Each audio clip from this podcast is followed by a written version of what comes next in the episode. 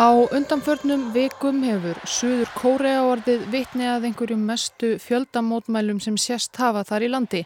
Dag eftir dag hafa hundruð þúsunda mótmælt á gödumúti, allt upp í tvær og halva miljón manna þegar mest létt. Mannfjöldin krefst afsagnar forsetta landsins, Pak Gunhe, sem árið 2012 varð fyrsti kvenkins forsett í Suður Kóru. Hún er enda feikilega óvinnsæl. Samkvæmt skoðanakönnun eru innan við 4% landsmanna ánægð með fórsetansinn þessar myndir. Ástæða þessara fordæmalausu óvinnsælda er ótrúlegt mál sem skoist upp á yfirborðið í oktober. Skandall sem á köplum hefur hljómað svo fáranlega að líklega myndu fáir kaupa þetta sem atbörðarás í kvikmynd. Í ljós komaðum áratuga skeið hefur þessi valdamesta kona landsins átt í undarlegu vinasambandi við aðra konu eða verið undir miklum áhrifum hennar, dóttur leittoga sértrúarsöfnuðar sem saðist vera í sambandi við látna móður fórsetans. Í krafti þessa sambandsefur konan sem aldrei hefur gengt neinu ofinberu ennbætti geta haft mikil áhrif á stefnu fórsetans og þannig suður kóriska ríkisins, jável utaríkistefnu og þar að auki auðgast persónulega með vafasumum leiðum sem útlit er fyrir að fórsetin vinkona hennar hafi haft fulla vitneskjum og jável tekið virkan þátt í þeirri síðlausu auðsöfnun. Pak fórseti hefur hingað til neitað að segja af sér en verður mjög líklega kerð fyrir ennbættisbrot. Örlug hennar ráðast allavega á næstunni. Ágæti hlustandi til að kafa dýbra niður í þetta förðulega mál skulum við fyrst fara all nokkur ár aftur í tíman.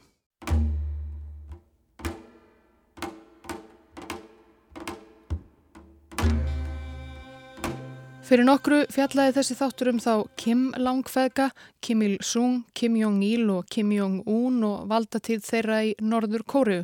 Við heyrðum þar hvernig hennir sigursælu bandamenn í setni heimstyrjöld skiptu á millisín Kóriuskaganum í stiðslokk eftir uppgjöf Japana sem höfðu ráðið þar lögum og lofum frá 1910. Það var ekki verið að flækja hlutina óþarflega. Bandarísk stjórnvöld stungu upp á að skipta skaganum í norður og suður hluta eftir 38. breytarbögg sem klauf skagan svo að segja í tvent. Bandaríkin fengu eitt hluta og Sovjetríkin sem höfðu átt stærstan þátti í að hrekja Japana á burt fengu hinn. Á þetta fjellust valdamenn í Moskvu og þannig var til sovjiska yfiráðasvæðið Norður Kórea og hinn bandaríska Suður Kórea. Það var ekki endilega ætlunin að skipta kóreuskaganum þar sem kóreisk menning og kóreisk konungsiríki hafðu þrifist í árþúsundir upp til frambúðar. Það var alltaf vonin að hægt yrði að sameina þessi tvö svæði, þið bandaríska og þið sovjíska, aftur sem fyrst. En um leið og heimstyrjöldinni lauk hófst kaldastríðið og gömlu bandamennir úr styrjöldinni, bandaríkja og sovjetmenn voru fljótt komnir niður í skotgrafir. Hvorugur vildi eiga á hættu að missa ítök sín á kóruuskaganum og hleypa keppinautunum að völdum ef af endur saminningunni yrði. Svo voninum saminnaðan kóruuskaga dopnaði með hverju árinu þangað til hún sloknaði einlega alveg. Á um þryggjaveikna tímabili höstið 1948 litu tvö ný sjálfstæð ríki dagsins ljós. Þann 15. ágúst 1948 lísti líðveldið Kórea yfir sjálfstæði. Það var suðurhlutin. Norðurhlutin fylgdi í kjölfarið þann 9. september sem líðræðislega alþýðu líðveldið Kórea. Arriving at Kimpo Airdrome near Seoul, Korea are General of the Army Douglas MacArthur and Mrs. MacArthur to attend ceremonies formally proclaiming the end of United States military government in Korea and the formation of the free and independent Korean Republic. Við heyrðum líka af því fyrir þáttum hvernig fyrsti leðtói Norður Kóru, kommunistinn Kim Il-sung sem var sérvalinn til starfsins af sovjeitmönnum, átti erfitt með að sætta sig við að veldi hans tegði sig ekki út yfir allan kóruuskagan og hvernig hann brann í skinninu frá fyrsta degi að fá tækifæri til að ráðast á nágrannana í suðri. Með leifi Stalins í Moskvu leta hann loks verða af því sömarið 1950. Þann 25. júni réðst norðurkóriski herin söður yfir landamærin á 3008. breytargráðu. Kóruustríðið stóði næstum því nákvæmlega þrjú ár. Vopnahljés samningur var lóks undirritaður þann 27. júli 1953. Þá hafðu hundruð þúsunda, hermenn og óbreyttir borgarar tínt lífi begja megin landamærarna og eidileggingin var gríðaleg, heilu borgirnar og bæirnir voru í rúst. En annars var afrastur stríðsins í raun engin, ástandið var óbreytt, kóruðu skaganum var enn skipt í 20.38. breytargráðu, í norðri voru kommunistar við völd og í söðri varð kapitalismi að bandarískri fyrirmynd ofan á.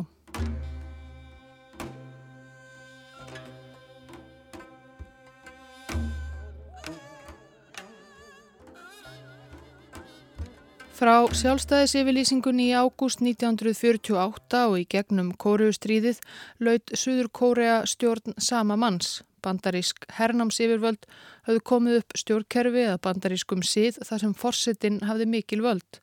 Fyrsti forseti Suður Kóreu hétt Syngman Rhee. Hann var fættur 1875, 37 árum eldri en kollegi hans Kim Il-sung leðtogi Norður Kóreu. Líkt og Kim hafði hann lengi barist fyrir sjálfstæðri kóriu en heitlast af kristinni trú fremur en kommunisma.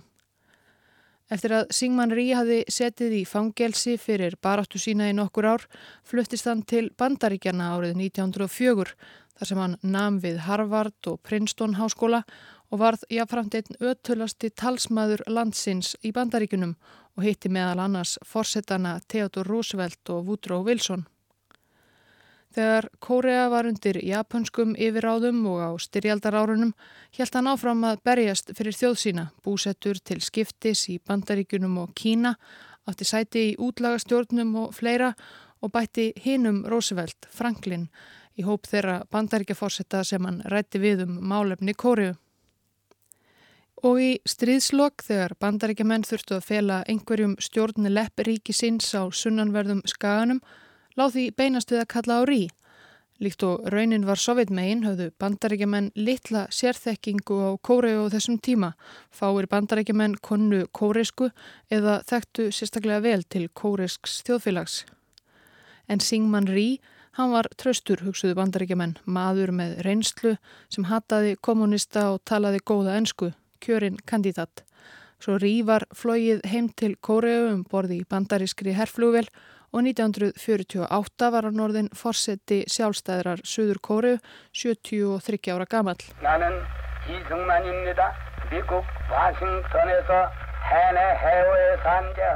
Singman Rí var alla sína tíð mikill vinur Vesturlanda og eflaust hefur hann hrifist af mörgu því sem stundum eru nefnd vestræn gildi en hann var aldrei sérlega hrifin af opnum skoðanaskiptum og gaggrinni.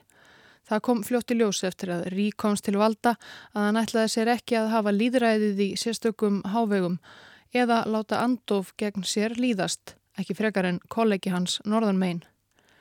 Eitt af hans fyrstu embætisverkum var að setja lög sem mjög hömluðu allri andstöðu við stjórn hans og í krafti þeirra voru fjölmarkir stjórnarandstæðingar á vinstri vagnum handteknir, fangelsaðir og jáfnvel myrtir.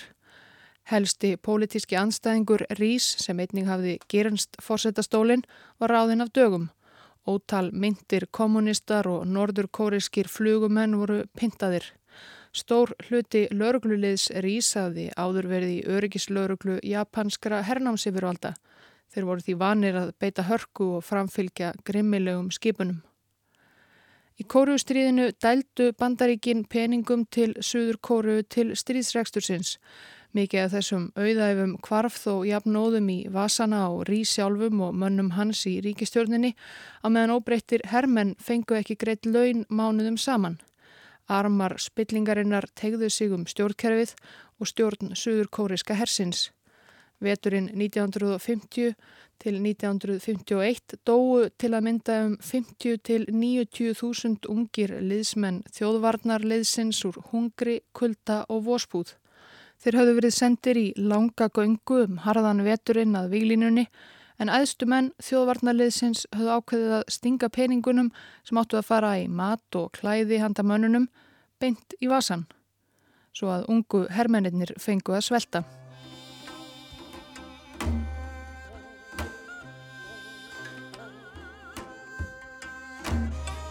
Eftir því sem leið á stríðið var Rí Óvægin og spiltur sífælt óvinnsælli meðal kóreiskra þingmanna og sá ekki fram á að hljóta endurkjör.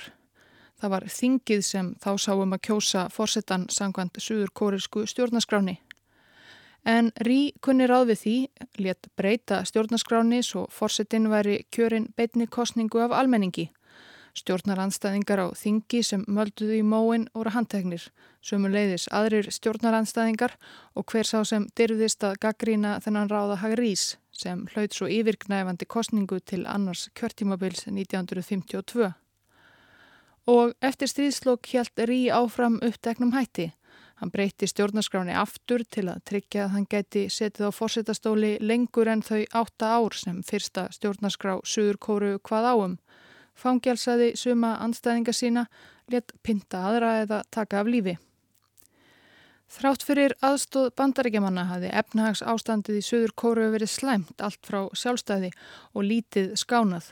Stríðsregsturinn og henn gengdarlösa spilling sem Rí og félagar stunduðu höfðu ekki hjálpað til. Suður kóriskur almenningur var að fá sig full satan og stjórnarandstöðu flokkar eins og líðræðisflokkurinn sóttu í sig veðrið. Árið 1960 bauð Singman Rísig fram til fjórða kjörtímabilsins eftir að hann hafi fjarlægt klausuna um að fórseti mætti bara setja þrjú tímabil úr stjórnarskráni nokkrum árum fyrr. Hann var þá 84 ára en þrátt fyrir það en eitur hress. Það var heldur að heilsuleysi hráði mótframbjóðanda hans Tjóbjóng Ok úr líðræðisfloknum. Hann fekk hjarta áfall og dó mánuði fyrir kostningar svo að Rívar einni frambóði og hlaut því 90% atkvæða. Meiri spenna var um kostningarnar til varafórsetta sem fóru fram sérstaklega. Óvinnsæl lærisveitn Rís, Lý Ki-pung, fór fram gegn Tjang Mjón úr líðræðisfloknum og hlaut yfirgnefandi sigur. En margir töldu að maðkur hefði verið í misunni. Ásakanir um kostningasvindl urðu æg háværari. Mótmælin hófust um miðjan mars í borginni Masan síðst á Kóruðskaganum. Nokkur þúsund mótmælendur söpnuðu saman, laurugla beitti táragasi til að tvístra þeim. Nokkrum dögum síðar veitti veiðimaður lík mentaskóla pilts upp úr höfninni í Masan. Pilturinn hafði tekið þátt í mótmælunum. Svo hafði hann verið skotin með táragashilki beint í andlitið og líki hans hend í höfnina.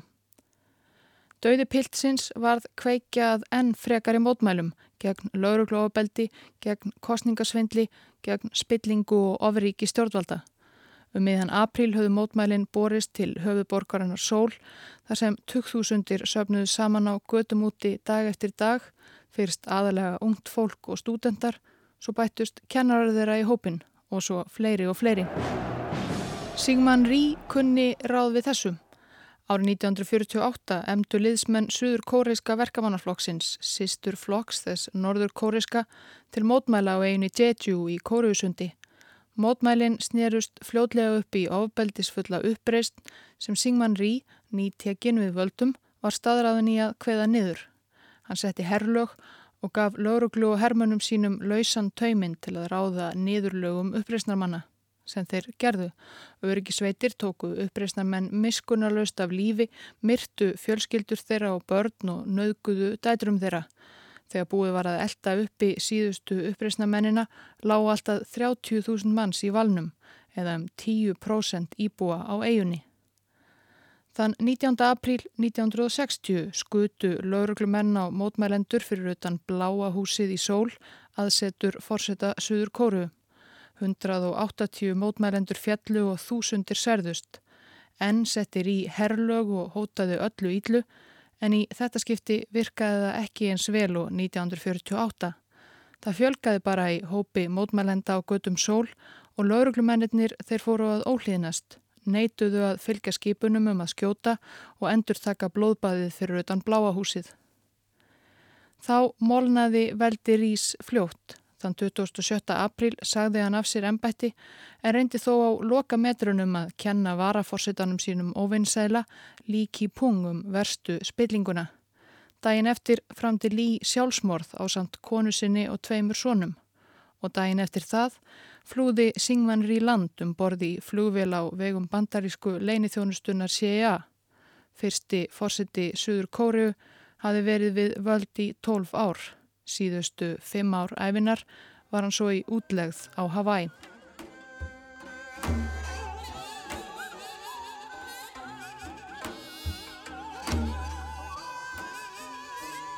Eftir blóði drifið fall einræðisherrans var bóðað til kostninga. Þar komst líðræðisflokkurinn til valda og hófst handa við umfangsmiklar og metnaðarfullar líðræðisumbætur. En þeir tóku við erfiðu búi og umbóta mönnunum tókst ekki að lífka við efnahægin. Ástandið varð bara verra, atvinnuleysi jógst og verðbólka rauk upp.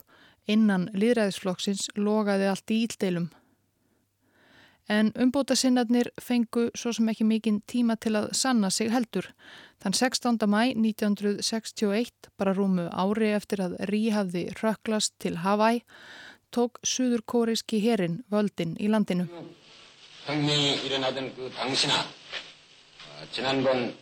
Leittói Valdaránsmannana var hersöðingi að nafni Pak John-hee.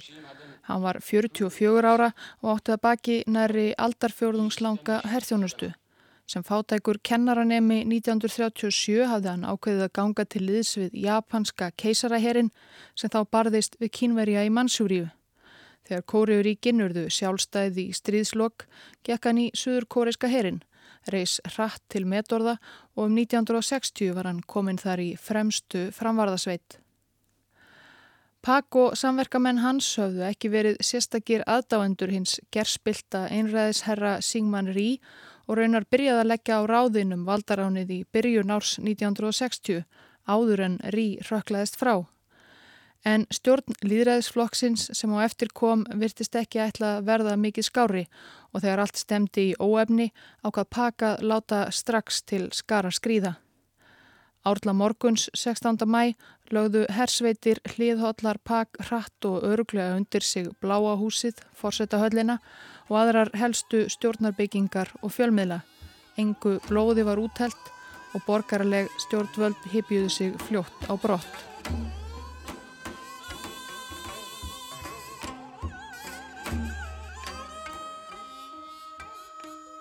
Í tilkynningum sínum til almenning saði Pak Hersöðingi að Suður Kórea væri að hruni komin vegna spillingar og vannrækslu aðstu ráðamanna og það var aðeins herin sem geti bjargað þjóðinni. Markmiðið var að uppræta spillingu og kommunisma, styrkja hagkerfið og tengslinn við bandaríkin. Stofnuð var leini þjónusta sem hafi viðtæk völd til að handtaka hvað sem er og fangelsa fyrir hvað sem er og pinta á hvaða hátt sem er og í raun gera hvað sem Pak dætt í hug. Hann reyndist nefnilega ekki mikið skári en Singman Rí þegar komað því að sætta sig við gaggríni og andof. Stjórnaranstæðingar og meintir kommunistar voru fangelsaðir í gríð og erg og fjölmiðlar sættu mikillir ytskoðun. Líkt og Rí hafði pakt valið í bandaríkunum um tíma og naut stuðnings bandaríkastjórnar. Eina skilirðið sem Kennedy bandaríkjaforsetti setti fyrir stuðningsyfirlýsingu sinni var að pakirði borgaralegur leðtogi að minnstakosti að nafninu til. Árið 1963 bóðaði hersöðingin því til kostninga og var kjörinn fórseti. Hann var svo endur kjörinn 1967 og árið 1971 fór hann á svegu við stjórnaskrána sem hann hafi sjálfur sett eftir valdaránið og hafi tekið aftur upp gömlu regluna sem bannaði fórsetum að sitja lengur enn tvö tímabil og böði sig fram í þriðja sinn. Pak vann þær kostningar eins og allar aðrar en fannst forskot hans á mótframbjóðanda sinn, stjórnaranstæðingin Kim Dae-jung, óþægilega nömt. Hann ákvað því skömmu síðar að gefa þessa líðræðist tilraun upp á bátinn og framti í raun einskonar valdarán gegn sjálfum sér. Setti neyðarlög, leisti upp þingið og þvingaði í gegn gríðarlega íhaldsama nýja stjórnarskrá sem færði fórsetanum, honum sjálfum, svo gott sem allraðisvöld. Fórsetin mátti nú setja lög algjörlega óháð öðrum stopnunum ríkisins, skipa dómara og þingmenn og sitja eins lengi og honum síndist. Ef Pak Chun-hee hafði ekki verið einræðisherra áður, þá var hann það núna. Samsung Galaxy A 상상 이상의 여기까지 LG Optimus Suður Kórea er í dag eitt mesta efnahagsveldi Asíu. Suður kórisk fyrirtæki láta til sín taka um heim allan, flest eigum við örglega eða höfum átt einhverjar suður kóriskar græjur og tæki, síma, ískápa, bíla frá risafyrirtækjum eins og Samsung, Hyundai og LG. Herstjórn Pak Junhe lagði grunninn að þessum gríðarlega uppgangi. Þegar Pak tók við stjórninni var Suður Kórea þróunarland, fátækt landbúnaðaríki plagað af atvinnuleysi og verðbólgu. Grannríkið Norður Kórea var talsvert betur sett. En það átt eftir að breytast. Pak lagði alla áherslu á að byggja upp yðnað og það í stórum stíl, verksmiður og tækni. Og smám saman fór Suður Kóreska þjóðin að rýfa sig upp úr fátæktinni. Suður kóriskur almenningur tók valdaráni Pax og félaga í fyrstu fagnandi en það langþreyttur á ólgu og óstjórn og efnahags uppgangurinn á sjönda áratugnum tryggði Pak vinseldir. En þegar áttundi áratugurinn gekk í gard og nokkuð fór að hæja á kraftaverkinu við hann ána eins og suður kóriska efnahagsundrið var stundum kallað og einræðis tilburðir Pak surðu öllum augljósir fóru að renna á marga tvær grímur. Í oktober 1979 þusti suður kóreiskur almenningur með háskólastútenda í brotti fylkingar aftur út á götur í 2000. tali og mótmæltu allræði og spillingu og kröfuðust líðræðis. Pak tók á mótmælunum af sömu hörku og forveri hans er í, setti herrlög og let fangelsa mörg hundruð mótmælendur. Þrátt fyrir þetta ófæremdar ástand gaf Pak fórseti sér þó tíma til að njóta lífsins og kvöldið 27. oktober 1979 var skipulagt dýrindis matarbóði í fórsetahöllinni með nánustu samstagsmönnum fórsetans, lífverði hans og yfirmanni leinithjónustunnar allræmdu og nokkrum fengulögum ungum konum. Yfir kvöldverðaborðinu mun hafa komið til nokkuð harkalegra skoðanaskipta melli fórsetans og einstar hringshans um ástandið í þjóðfélaginu sem lauk þannig þegar nokkuð var liðið á kvöldið að æðsti yfirmaður leinithjónustunar, Kim Jae-gyu, dró upp bissu og skaut fórsetan til bana. En er óvíst hvað leinithjónustufóringjanum gekk til með því að myrða fórsetan. Þeir voru nánir samstagsmenn og hafðu þekst síðan þeir voru kornungir menn. Ímsar mögulegar ástæður hafi verið nefndar, valda barátta í Hirð Pags, að Kim Jae-gyu hafi óttast um stöðu sína við hægri hönd fórsetans. Að kannski hafi í hjarta harðsvíraðs leini þjónustu fóringjans brunnið dölinn líðræðiseldur og því hafi hann viljað koma einræðisherranum fyrir Katarnef. Eða hann hafi gyrnst fórsetnaðan bættið sjálfur. Að hann hafi verið á mála hjá CIA í bandaríkunum. Að hann hafi verið gripin stundarbrjálaði vegna livrarsjúkdóms sem hann glýmdi við og svona mætti lengi telja. Líklega veitað engin með vissu nema Kim Jae-gyu sem var handekinn dæmdur til dauða og hengdur orfáum mánuðum eftir morðið. En við vitum allavega að hann batt enda á 18 ára einræðistjórn Park Chung-hee og lífans sumuleiðis.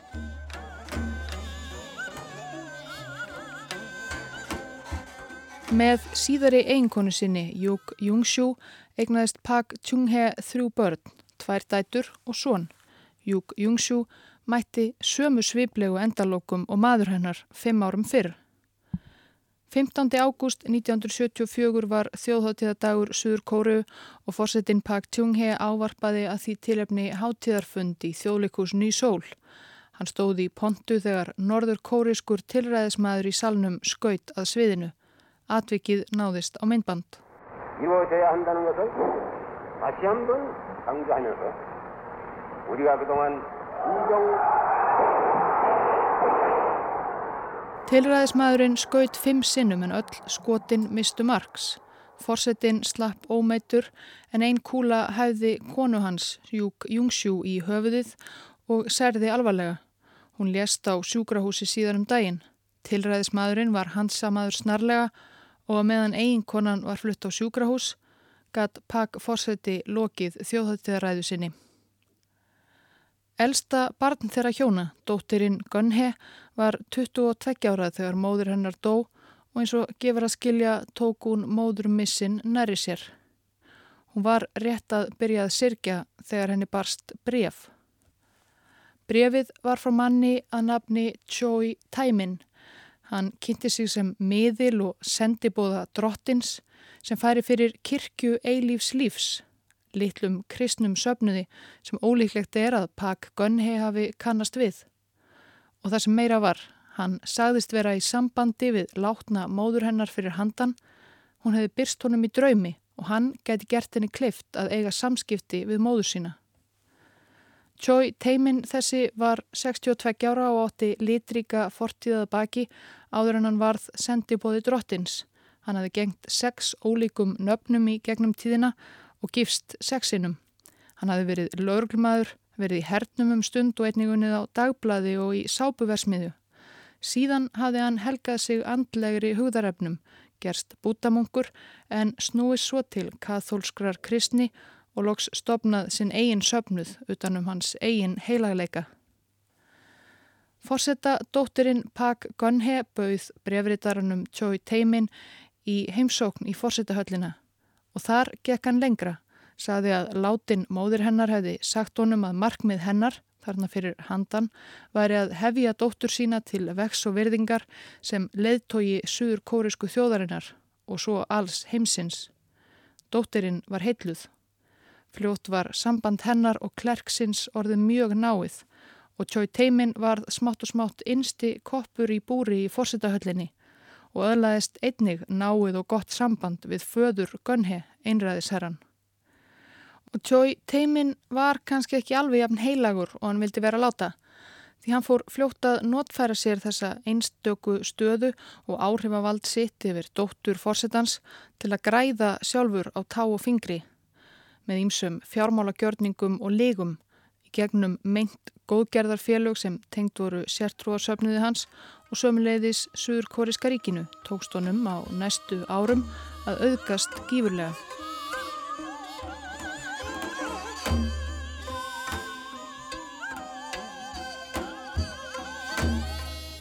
Reyndar eru líka til þeir sem halda því fram að leini þjónustu maðurinn Kim Tae-kyu hafi myrt Pak Jun-hee þar sem honum blöskraði óhófleg áhrif klerksins Choi Tae-min yfir fórsetadótturinni og að fórsetin losaði sig ekki við þennan furðulega karakter.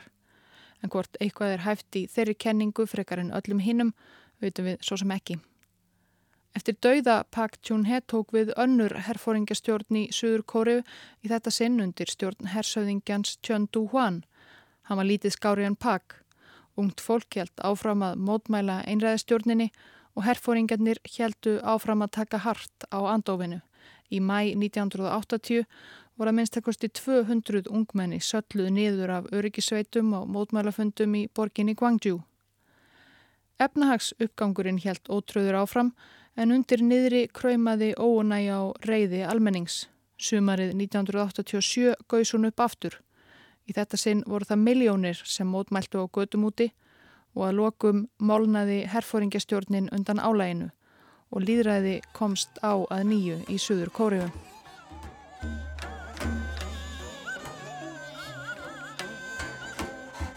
Kanski voru skilabóðin sem Choi Teimin færði Pak Gunhe frá móður hennar að handan að hún ætti að leiða Suður Kórisku þjóðina sem gerðu það verkum að Pak Gunhe fór út í stjórnmál. Kanski var það bara vegna þess að það var það sem hún hafði alveg stöfið. Eftir að herfóringarnir rökkluðist frá 1987 komst líðræði sem sé að lokum á í Suður Kóriu. Þá gekk Gunhe, munaða laus eftir að hafa mist báða foreldra sína í tilræðum, í hægri flokk sem þá hétt þjóðarflokkurinn en ennú jafnan kallaður sænúri flokkurinn. Sænúri flokkurinn hafi raunar skipt ótalsinnum um nafn og saminast öðrum flokkum í gegnum árin en rætur hans lágu í líðræðislega líðveldisflokknum sem hafi verið stjórnarflokkur hersins í valdatíð föðurhennar hersöfningjans. Gunhe átti því ekki langt að sækja flokkshóllustuna. Þrátt fyrir ræturflokksins í allræmdri herrstjórn hefur hann og forverar hans lengst af verið með stærstu flokkum á Suður Kóriska þinginu, ef ekki langstærstur og margir forsetar Suður Kóru frá því að líðræðið komst á komið úr röðum flokksins og forverana. Ekki rætt að segja að konur hafi lengst af verið mjög aðsopsmiklar í Suður Kóriskum stjórnmálum þar hafa sjaldan komist í æðstu áhrifastöður í karlægu samfélagi Suður Kóru. Landið er oftar en ekki neðarlega á lista yfir jafnbretti kynjana á heimsvísu hefur Pak Gunhe eflaust notist einhvers góðs af tengingunni við föður hennar. Margir eldri suður kóruumenn horfa með hlýju aftur til Pak Junhe, þessa skörungs sem þrátt fyrir að beita hardaræði hafi líka rifið landið upp úr fátækt og hugsuðu að það hliti að vera eitthvað í dóttur þessa mikla manns spunnið. Svo að eftir að hún hefði klefið metorðastegan innan flokksins var Pak Gunhe kjörinn fórseti Suður Kóru árið 2012, fyrst hvenna.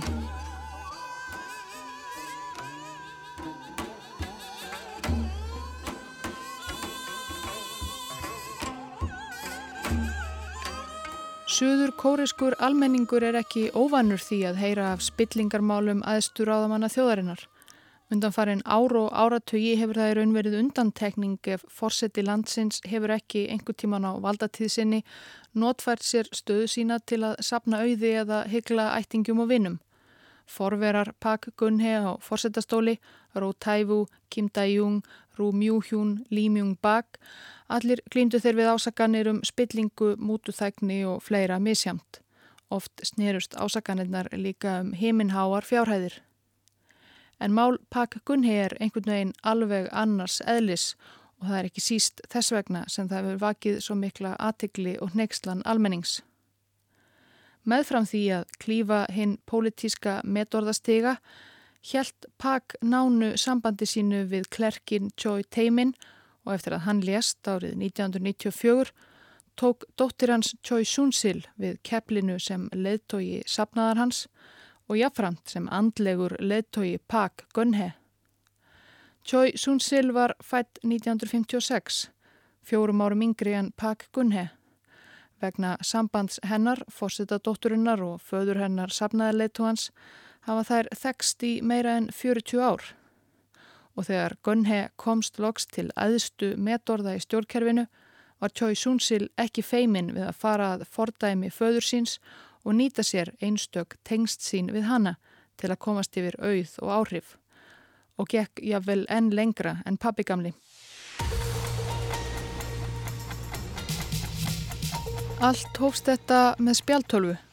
Frettamenn suðurkóriskrar sjómanstöðvar sem hefðu fengið veður af Choi Sunsil komist yfir spjaltölvu hennar sem hún hefði skilið eftir ólæsta og opinni skrifstofu þegar hún fór sjálf til útlanda Í spjaltölfunni fundu fréttamennir afar mikið magn af ótrúlega grunnsamlegum gögnum, skjölum og myndum. Það fór ekki á milli mála að þetta var spjaltölva í eigu Choi Soon-sil því hún hefði meðal annars tekið á græjuna fjölda mynda af sjálfri sér í stundum á milli stríða. En önnur gögn sem fundust í tölfunni dró upp dökka mynd af samskiptum hennar og fórsetans. Um árabil hafði Choi og klíkaði kringum hana klíka tengd sértrúarsöfnuði föður hennar sem innhjælt marga kynlega kvisti til að mynda einn af helstu tónlistar myndbanda leikstjórum Suður Kóru. Um árabil höfðu þau, rétt eins og fadir Choi á undan henni, notfært sér tengslinn við fórseta landsins til að græða á tá og fingri, meðal annars með því að beita mútum, kúunum og hótunum til að komast yfir heilu fyrirtækinn og þetta líklega með vittnesku vinkonu Joy Pak Gunhe Forsetta og jafnvel þáttöku hennar.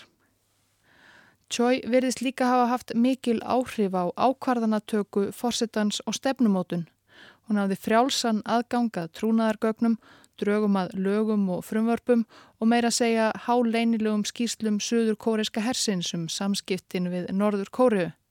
Kanski hafði hún meira segja bein áhrif á utarrikismálinn.